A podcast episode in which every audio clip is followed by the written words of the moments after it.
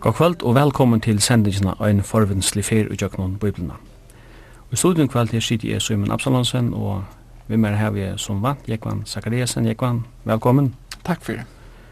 Og skilmeren til Jekvan Jan Zakariasen, han passar knøttene til åkken. Vi er i kvöld kommet fram til bøtjena Hasongren Vi hese bauk er vi kommet til det søgnaste av de så nevnte poetiske bøkene i Gamla testament.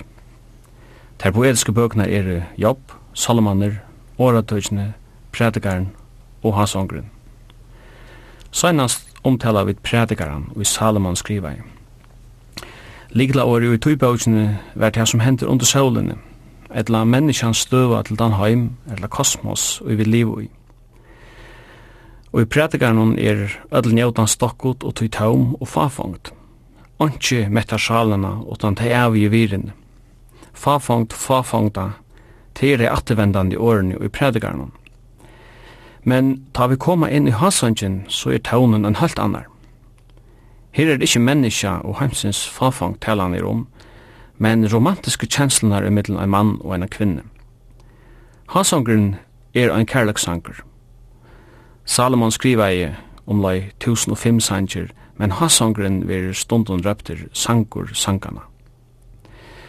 Kjenslunar tja kvinnene og mannene vera gjødla lustar, og ikkje bært kjenslunar, men likame fer gjødla omtale.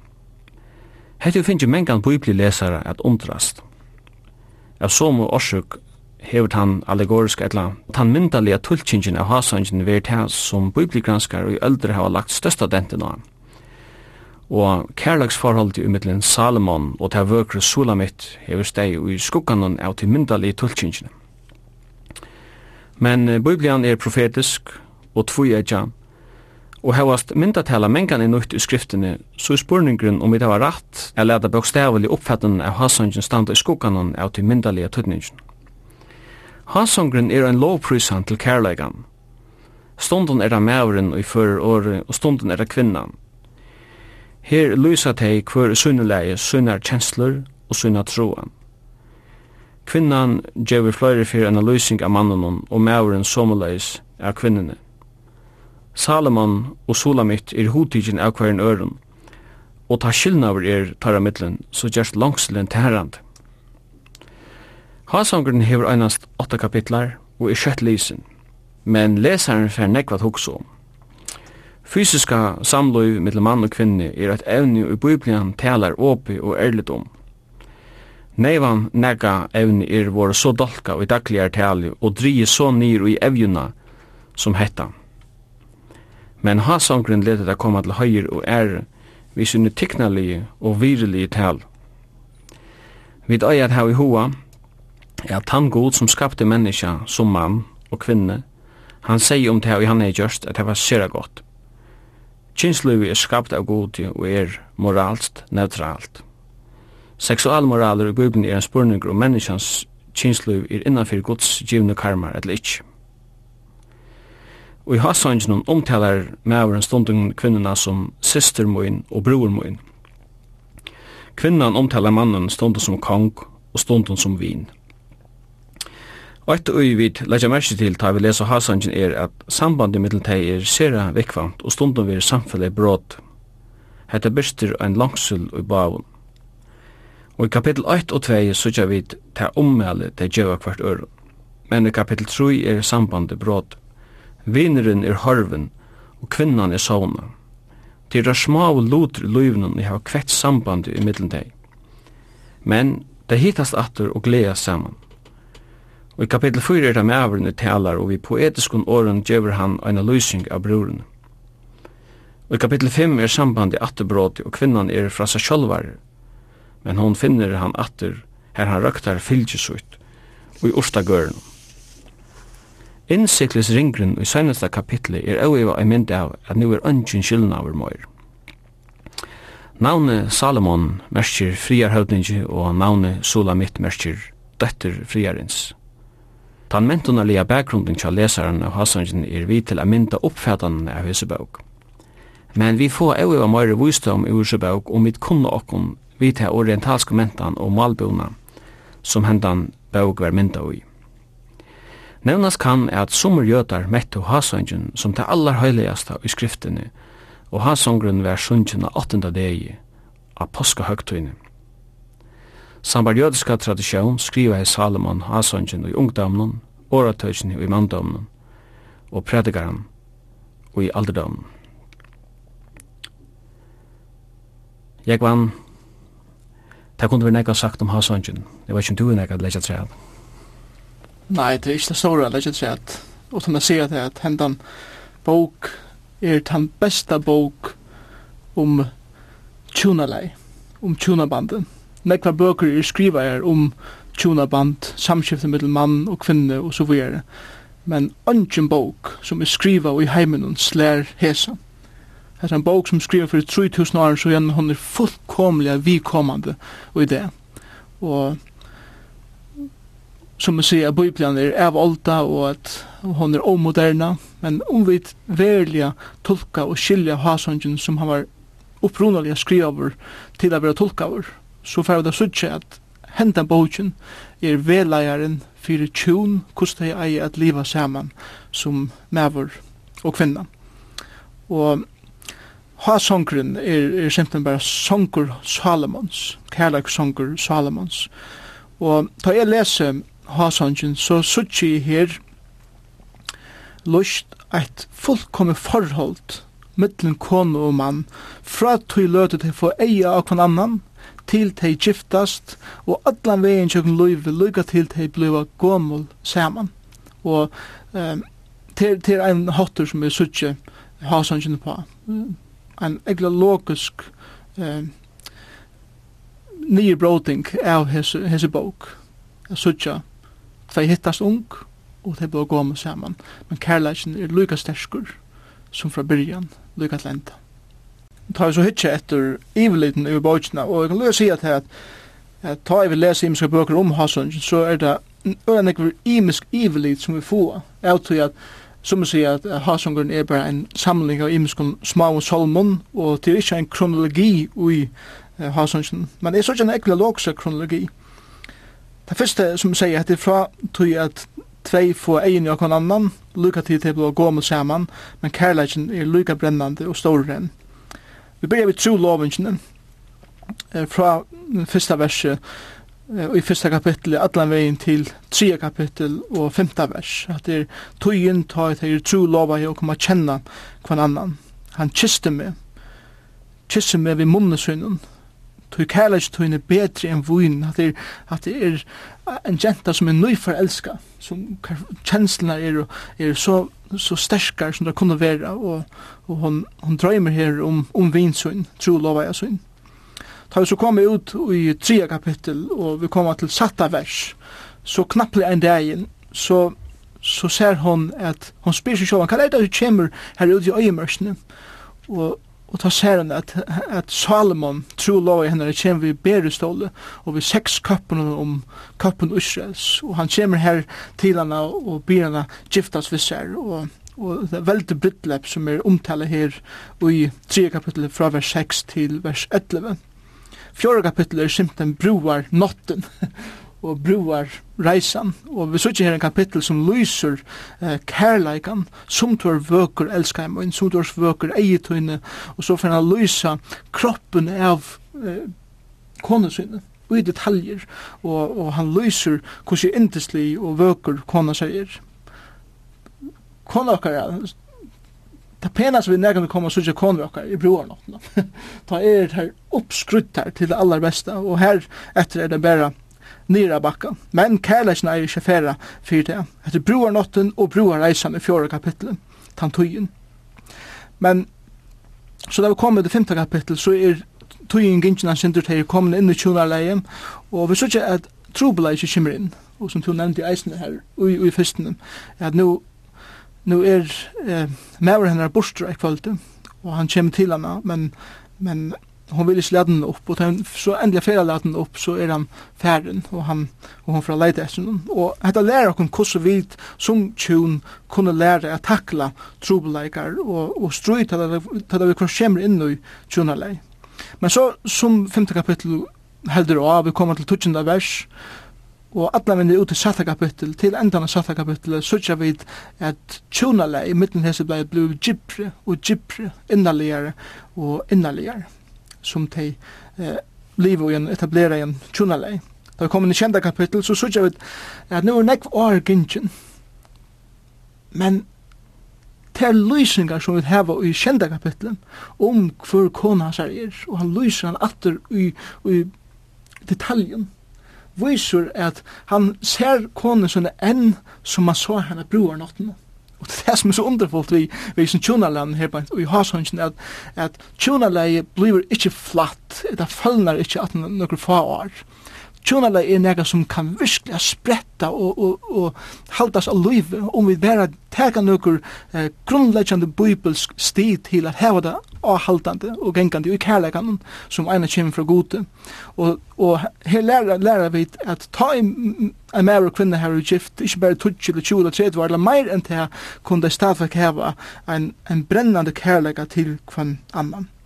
Og så da vi kom ut i 8. kapittel, så, så lærer vi her at nu gjerast de gommel saman. Og han spyr henne eh, til dømes her i 5. ørende. Hvor er hon du kommer her henne ut ur øyemørsene, stigande se at vin synen. og så er det at her kommet eh, opp i årene, og hon stiger seg at henne som det kommer og gengande. Og det er underfull mynd av tjona landet tjonabanden fra byrjan til enda, som er ofølna, som enn sprutjer i kærleika, tog at det er en godgiven kærleik, kærleik i mittlen mann og kvinne. Så så la suchi i hasanjen, så la les i halsangin, og sålas undervise eisen i halsangin, ta i undervise hese bok. Da vi var jokken prædikaren, ta suchi av Salomon, han regnes som filosof, men nu er han ferdig inne på romantikken, og han regnes som romantikaren. Ja. Yeah. Så man kan se att han spelar på nekvar tangenter. Men en spurning vi kan huske som er spørst jeg kan til er, ta etter nu hever seg framløvene av Hasongen, så ser det ut som at to legger den av det bøkstavlige heter nekka man kan lære og i tjumalen og så framvis. At det stender synder i motsetning til det som mennesker har lagt den av, nemlig at her at vi skulle synder være vi at tekka Hasongen bøkstavlige, at her er mynd av, av god og hans herra fölk og så vidare. Hva sier du til det? Ja, grunden for er at hasongun mengan er, er tolkaver allegorist, eller myndalige, Er han at vi har så utroliga detaljer hver til lysa kærleikan sinne mittlen, og han beskriver brøstene og kone sinne, og han beskriver varranar og, og saftene og så videre og, og det som biblærer oppsyn tøyene, og eisne jødiske lærere har sagt altså, at, at det er alt for intimt, altså man kan ikke man kan ikke være tåse om nega såret, og jeg lyser også her at, at det var en jøde skulle være 30 år, og han slapp å lese Hasansen sjolver. For jeg snakket om jeg har 18 år altsmark av filmen men her har vi nega som heter 30 år altsmark av hese bok, tog at hon er så utrolig intim. Nå, som togjen er vi gynnskje, så så, så kommer vi og en huksnarhatt som sier at vi må ikke være for intim, vi må være så rationalistisk som möjligt og tog eh, kan det ikke være tolka en styrkan hot. at det må være mynte omkring øren, og til, til ofte det nemmer seg sige. Og bibeltolkar hava tolka til algorisk, til tver syr av til algoriske tolkan, eller myndelige tolkan av hese bok. Den fyrre er han at dette lyser et inneligt samfellag i mittlen god og Israel, altså nasjonene Israel, Guds folk. Og, og så er det tolka særlig av jød som skriver skrivaren og, og øren. Oppsjong sankum søvna eh, av teimen som eh, tolka Hasansson allegorist hever hetta vært brukt som en mynd av Kristus og sankommen og for å komme av sinnsyn at jeg har sett den. Eh, tar vi ta som alle, eh, altså om myndeliga tolkan av Bibelen, så må vi minnes til det at, eh, som du eisen sier, at Bibelen er et tvui etja svør. Og det er underfotla myndir her av Kristus i åsankomne, eisen av Gode og Israel. Og vi kunne sutja utrolig nekka storar og djupar sannleikar hesson vi vujkjant. Men vi må koma atter til alle tøyene, tar vi tås om bibeltolkan, hver vær i all endamålet tja skrivaren, ta en skrivare. Kan å kommunikera til, til han, han eller de som han skrivare til.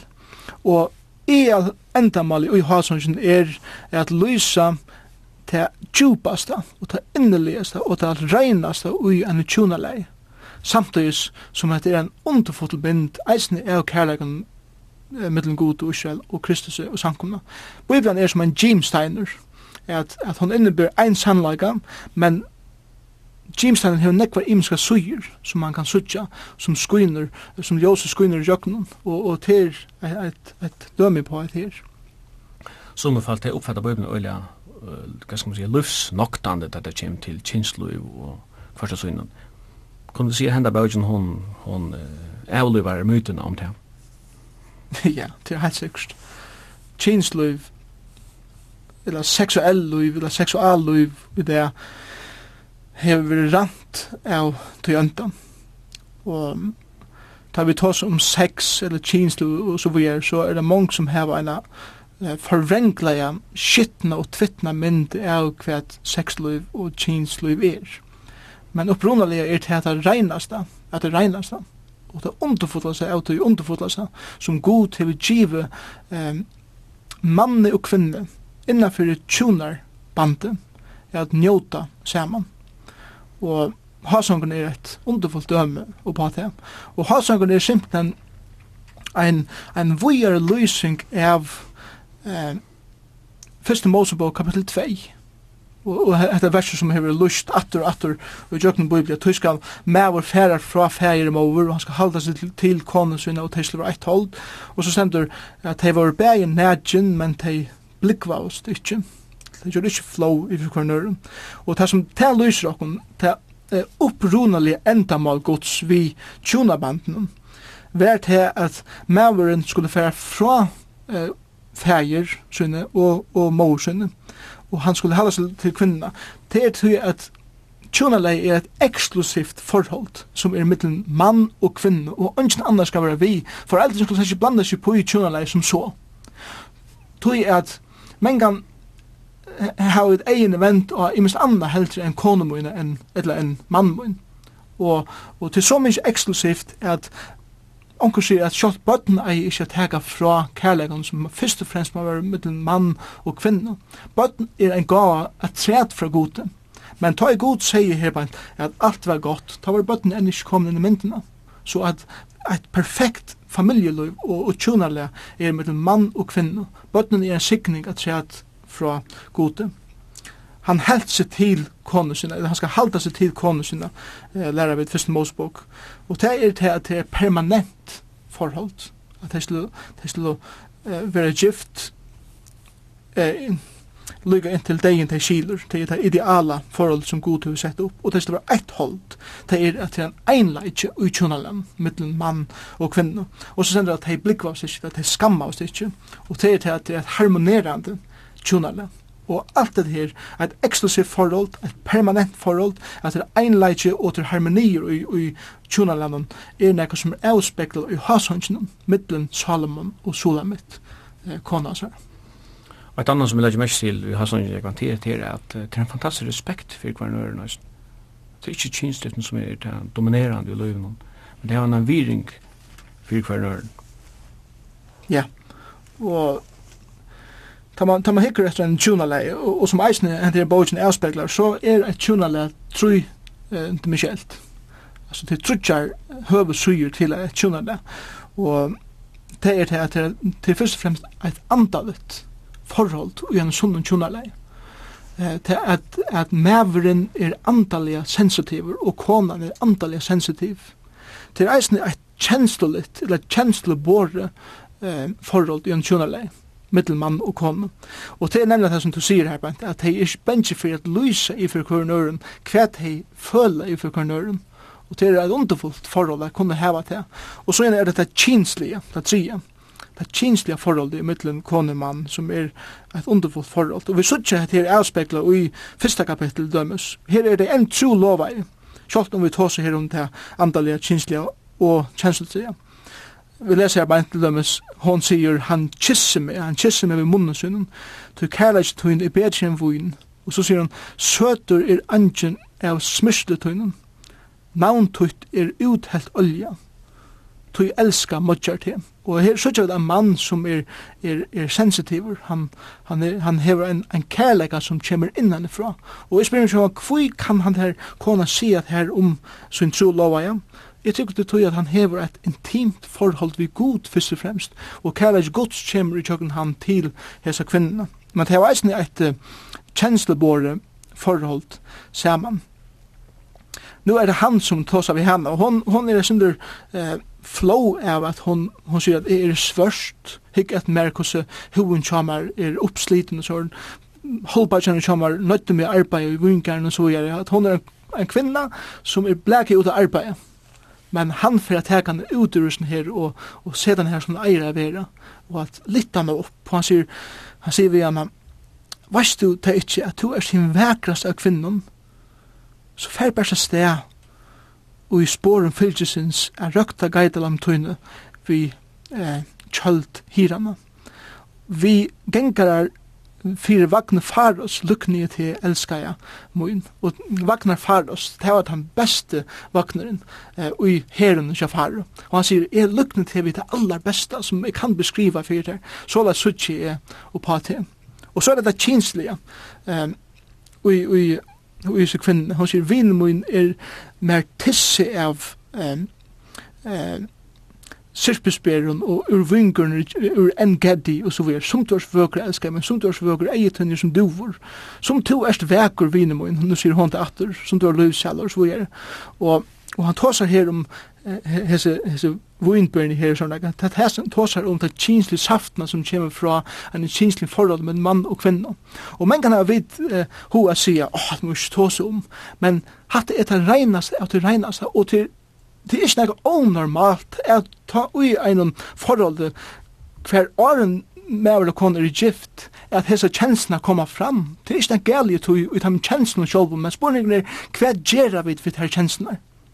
Og det er så underfullt i øren kapitlet, det er en trola av jeg, og her sier han, så, eller hon så, i kjente ørende, gjer ikkje kærleggen ofri, årek vi han ikkje, fyrren han vil sjolvor. Og det som hun sier her simpelthen, jeg har ikke kjensler her, men buja, buja, buja, inntil tøyene kommer til at lade seg kjensler fløyme ut, og det er ikkje fyrren bruvar nottene. Og, og hette er det som er eldste, da vi tås om det seksuelle livet og i en forhold. At uh, hvis en Men sen eldste var ikke vær omringar bare vi steinen og, som var lia er opp og, og at, at steinen koma synder ut av gulvet og er en teppe er her og sånn Hvis bare eldren bare gjør det akkurat man vil det, så er kjøtt skrei i stedet stedet, jo eldre jeg kom i huset.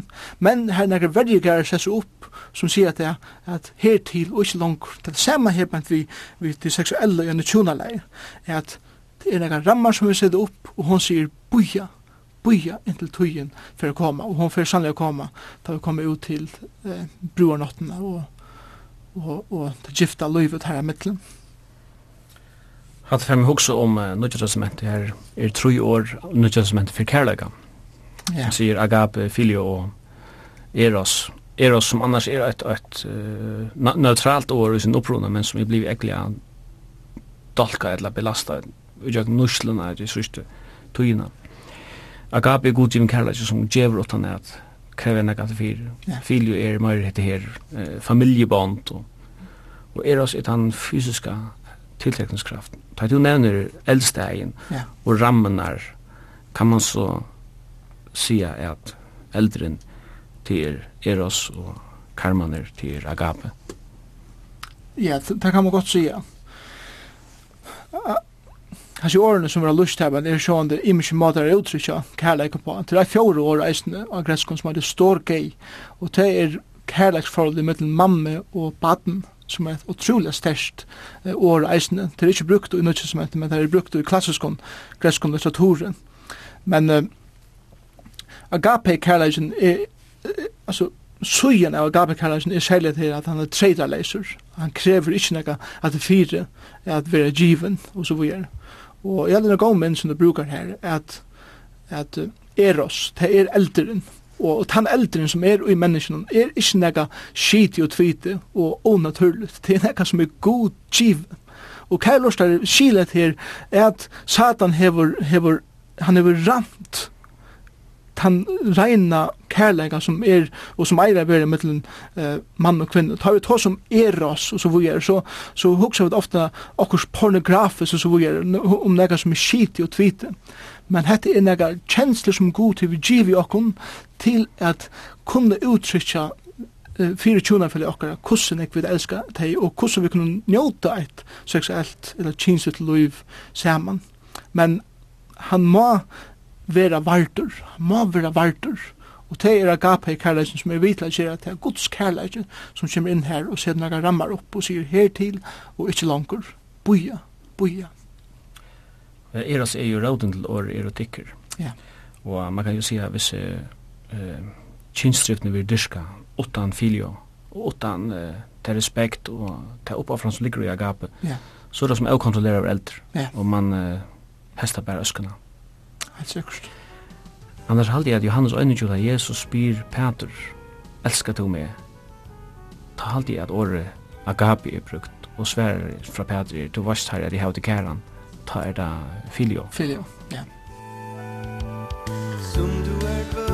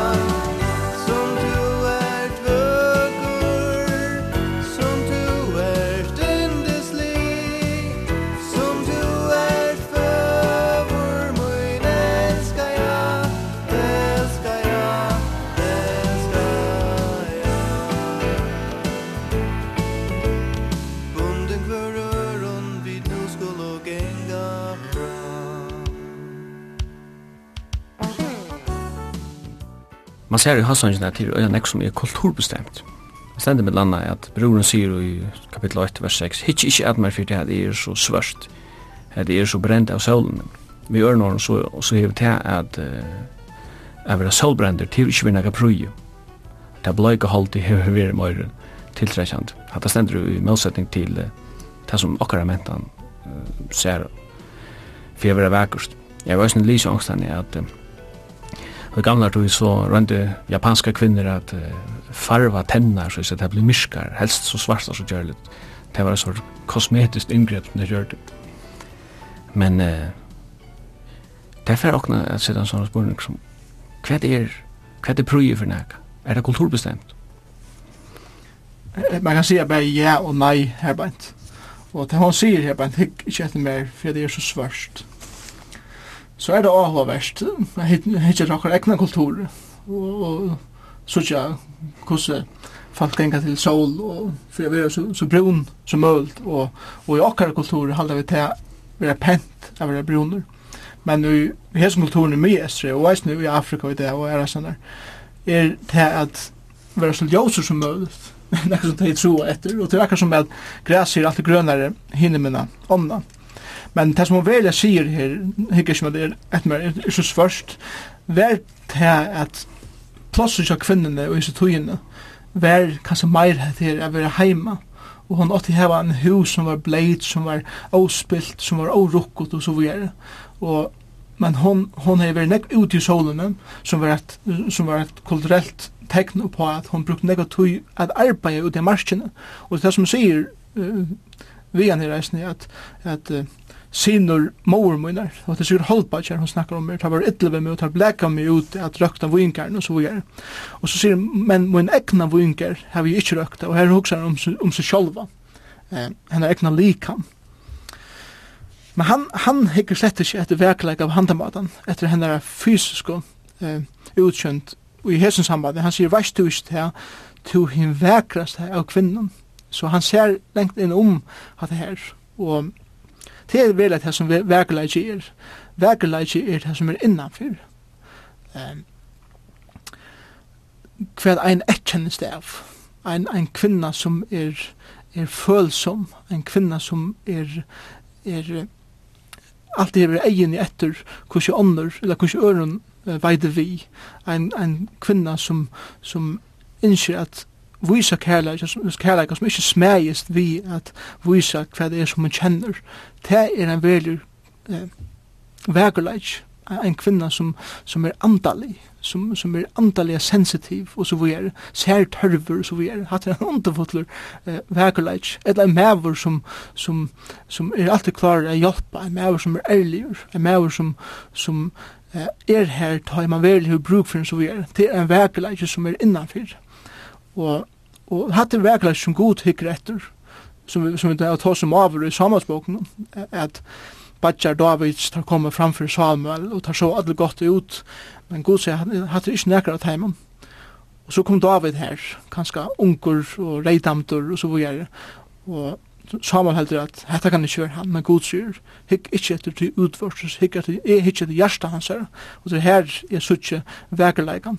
Så vekerleikan Eh, hvis man tar hvis man tosar om transkulturelt, det er nekka som gjelder andre kulturer, er det som er innanfor. Men han utvorste eh, vekerleikin, han er kultureller. Eh, det er at eh, vera brunur, eller myrskur, er pent onkursnennar, det er vera ljósur, er pent an æresannar. Minnes uh, ta i Tom Roberts var i fyrir han, han er vera så mykje lunch at ta bruna var nesten eller han var ikke brunner som han helt, og han var så øyelig stolt av at, at han ikke var så brunner, så øyelig avhåverst at han suttet det. Og som du sier, at tenn var lite her, og um, vi suttet indianere, hvordan der persa seg selv, han hadde nekka fire, sjåan til at han nekka vi andaverna gjerra, sitt heimen så gjerra, men hadde eisen nekka vi kosmetikka gjerra. Så utvarses kærleik er kultureller, innvarses er transkultureller. Jeg kan til forstått lukka nevna at jeg minns jeg den fyrir landsbokasanen og ble jeg i gamle bløven. Da så en analysing fra Førjabjør, jeg aldri meg fra 1920 eller 13. Her stod at uh, i lusingen drekk nek maltøl, så ble det prover. I ivis og imat hei vir uh, sølefremjande bruksfor slogan i det. Ja, sånne slogan er tøyar bundnar, alt etter hver kulturen er. Ja, vi er samme kultur, men det er en annen tøy. Ja. Og det skal man helst dette av mina. Jeg var og i kapitel 4 så var jeg inne på at her er det her er det vineren som lyser sine elskav som du er vøker. Og så fremna under at uh, beskriva han. Han nevner eier, han nevner har, han nevner tenn og varrar brøst, halser og tinninger. Og så er det mange bibelleser som sier som sånn, ja, hva skal jeg bruke dette til? Ja, vi kunne bruke det til så omedelig, enn og hadde du bare vera skilt hvordan jeg vil kunne bruka det til. Og, og kronologisk ui ha sånn her, nu er det gift. Og hette første for han fra lysene, og slukka han som han gjør, hver han lyser eh, brøstene og så videre. Og tog at nu er det blevet nekv mer intimt enn en det var avur. Og altså, jeg, jeg man minner meg sjåvan av det atter og atter. Kona mun hefur brúk fyrir at jeg sier henne at hon er vøkur at det beskriver fyrir henne hvordan jeg er elsker henne og så videre. Kvinner har bruk fyrir at høyra hvordan det her ser ut, hva vi kjenner eller hva vi føler i fyrir henne og så videre. Og vi, vi, vi, vi tåsa om at til øde som hese bare sørsja for elskar jeg og så videre, og, og til alt godt ut tog. Men en, en djupur kærleik er nekv gypri og større enn hva forelse skjer, forelse skjer fer på nekva måtar, men hans en djupe kærleisen pjøvest ikkje affæra. Og nekv halda til at at man nokre få år så blir det tjunale flatt og ondsamt og man lever som en, en tænare og en bottler i frikornøren, kan man skal bare syrja for å gjøre det som hinn sier og så videre. Hatt det er en fullkomlig skreiv oppfellende av hva tjunale er. Kvinnan hever bruk for å få vita er at jeg legger mest til henne hva hun er ui, hvordan ser ut og så videre. Det er for å lytte henne eh, eh, sjåls alit og sjåls viri opp av det støy som det eier er bera. Kvinnan hever trusht nyer alt, alt for nekva var. Og til tøy ikke okken å skilja kvinnan eier er litt opp av det støy her som Herren god hever skapt hana er vera. Og ta kunne vit menn vera vit til fyrir a lysa fyrir hemmen hvordan jeg við elska her. Til at om er fettli og tøy så fyrir trångten til konu mine, ikkje bostra lukka, men trångten til konu mine, at kjenna seg elskar fyrir hon er finna æra samar, hvis jeg ikke gjev vi henne til. Ham. Og han skal komme og sige mer at hvis jeg ikke eh, vis mun kone kærleika så får han ikke tru etter hon får tru etter og hon får leite etter de ærastanar hatt er garanti. Og tog er det så område for at vit menn eh, er vi til å lysa fyrir kone okkara hvordan jeg vil elska til men mæren hever saman tørv kanskje ikke nekva til vi at, at vi, vi får beskriva for okken akkurat hvordan det ser ut, men vi har tørv og lunges er vite at vi respekterer er, at hon ser opp til okken, at hon er stolt av det som vi gjør, og til det som hon gjør eisen her og sin sønsjene, til dømes i 5. kapitlet, her leser vi hvordan hon lyser han, og han sier, høtt hans her er som fynas av gull, lokkar hans her er som polmagreiner, og og eie hans er som duvor, som rennar til løtjer, og så videre. Og et annet som jeg også gjør med i første kapitlet, han sier, navntutt er som uthelt olja. Navn hever utrolig nek å sia, eller eknevne hever utrolig nek å sia, við eknevne folk um fri alt møvlet, som oftast negativt. Men þegar hon sier navntutt er som uthelt olja, det var som å si at du er det aller beste av det beste. Og hadde noe som menn har bruk for å få vite fra konen, og måtte vi til lærst å kommunikere som maver og som kone, så at tjonelei ikke gjørs flatt og åhendrant. Og hasongren lærer dere til, og måtte vi lærst at lise hasongren mer sammen, sen for jeg bruker tog at lese bøker om tjonelei, så har vi det beste boken her, hasongren. Vi er inne på at uh, det er det som ligger større enn dette, at det er myndelige og vi har sånn ikke noen. Det er vi nesten slett ikke kommet inne på, er så slett ikke noe. Jeg vet at årgods er alltid tvoje, ikke? Ja. Uh, er det også myndelige dønninger og vi har sånn ikke? Ja, det er ikke hva så uttøy. Og, og den myndelige tøtningeren er sjåvande som jeg har sagt, og i middelen god og Israel, hvordan god ser på Israel, som, som Salomon sa på Sulamit, og eisen som Kristus eh, ser på samkommende.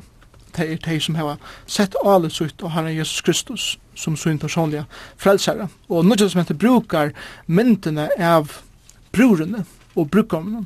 Kristus er brukkommeren og eh, samkommene er broren. Og vi leser til dem så i Efesus kapitel 5, Eh, han sier tid menn, elsker konen tikkara. Og så får han bruka som myndina, eins og Kristus elska i samkommuna og gav seg sjálvan fyrir henne. Fyrir at han kunne halka og rense henne vid, vatn vid vatnbænen i åren. Så han sjálvan kunne leia samkomna framfyrir seg i dord, og han plett rukkul og megaslökt, nei, for han kunne være heile og luita leis. Og hatt er at beskrivelse av tog som hasangra reisende eh, lyser, at Salomon djevese fullkomla fyrir sunna eh, sulamit. Så han kjever Kristus, eller gav Kristus fire samkommende. Og han, han leier henne fram, han renser henne, som leier som Salomon her, litter henne opp av det støy som hun, som leier ved at han lyser, varst du ikke at du er sin vekreste av kvinnen, underfot leist, og han lyser henne ut, ut i detaljer, og, og Kristus renser samkommende, som leier som han er eisen vid til å rensa sånne egne kone, Solamit. Så sjåan det er det myndelige tala eh, som vi heva og i hasangen. Det er helt sikkert. Ja, Paulus sier i 17. Korint 1-2 at det er tro lov at jo vi øyne mann for jeg leier Kristus og fram en røyne møtt. Så det var en sterske mynd her. Ja. Og Brittle Blamsins og Bror Kristus her til uh, kjent hotøg og nødvendig testament.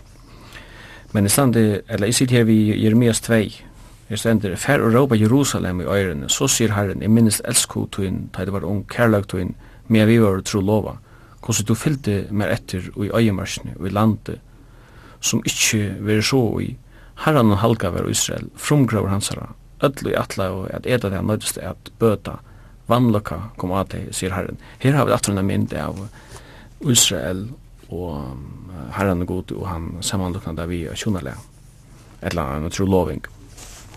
Ja, og, og, og, og vi tar som myndene atlan veien i jøkken på Eh, og, og vi må ikke teka det borster, selv om, om vi sitter her bæger, og, og vi, vi leser sånne dette, som vi hadde eisne rett, er at lesa hasongen bokstavlig, så må vi eisen minnes til at at det tvi eikja, og vi sier underfotla mynter, som vi eisen kunne bruka, eh, da vi først har lagt eh, til grunnleggjande fram.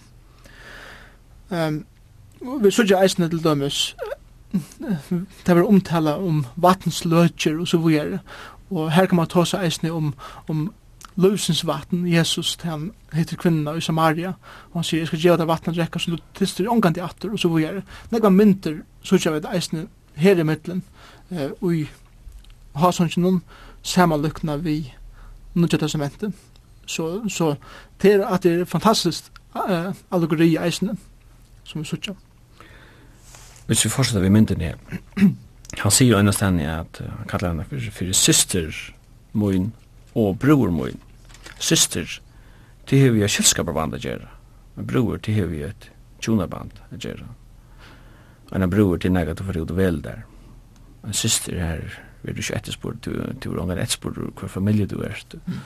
fødder enn og Hatta kan være en sterk mynd av støvende til gods bøtnen, at vi er bæði fødden i godsfamiljen, men vi er jo valgt ut til å være en parster av godsfamiljen. Ja.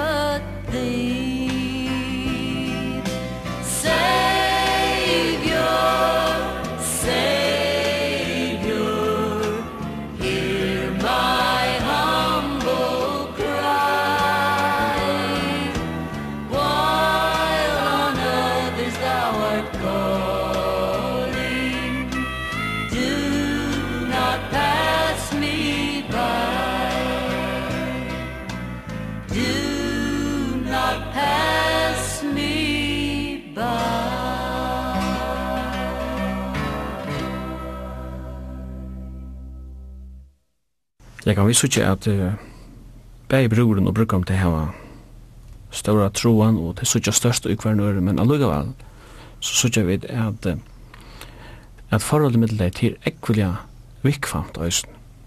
Og spurningen er er det nekka som kan fortelle okkur nekka hokser rundt bokstavlig i forholdet mitt tvei som er gift eller er trolova i og øysen til myndalega, altså andalega Ja, det, det, det er helt sikkert. Og halsongren er, er ikke bensjen for å vise at det kommer, det kommer eisne eh, trobeleikar eh, sånne daglige trobeleikar inn i tarra tjonale.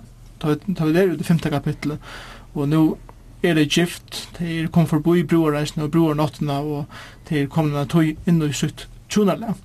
Så leser vi i femte kapitlet at han gjør så klar han affæra inn til konen sin, og han kommer heim, og så sier hon, jeg svev, men hjertet mitt vakte, høyr, ta benkar vinen min, og det er som hon ligger nå ensam med sønnsene, og han kommer og benkar på dittner, og det er som det er akkur kommet inn her i midten deg som, som er vikvamt, og han sier, let meg opp, siste min, elskar min, duva min, to hin reina min, og, og, og hon leder ikke opp, beina vegin.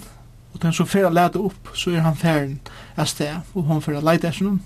Så, så vi sitter her, og, og vi kunne eisen tåsa, vi kunne tåsa om hvordan i forhold man lærer at, at eh, handla konflikt og så videre. Man lærer kunne ekkert vel til. Men et av det som vi kunne lære, ta ui hetta vikvema tjundra forhold er så utrolig vikvant.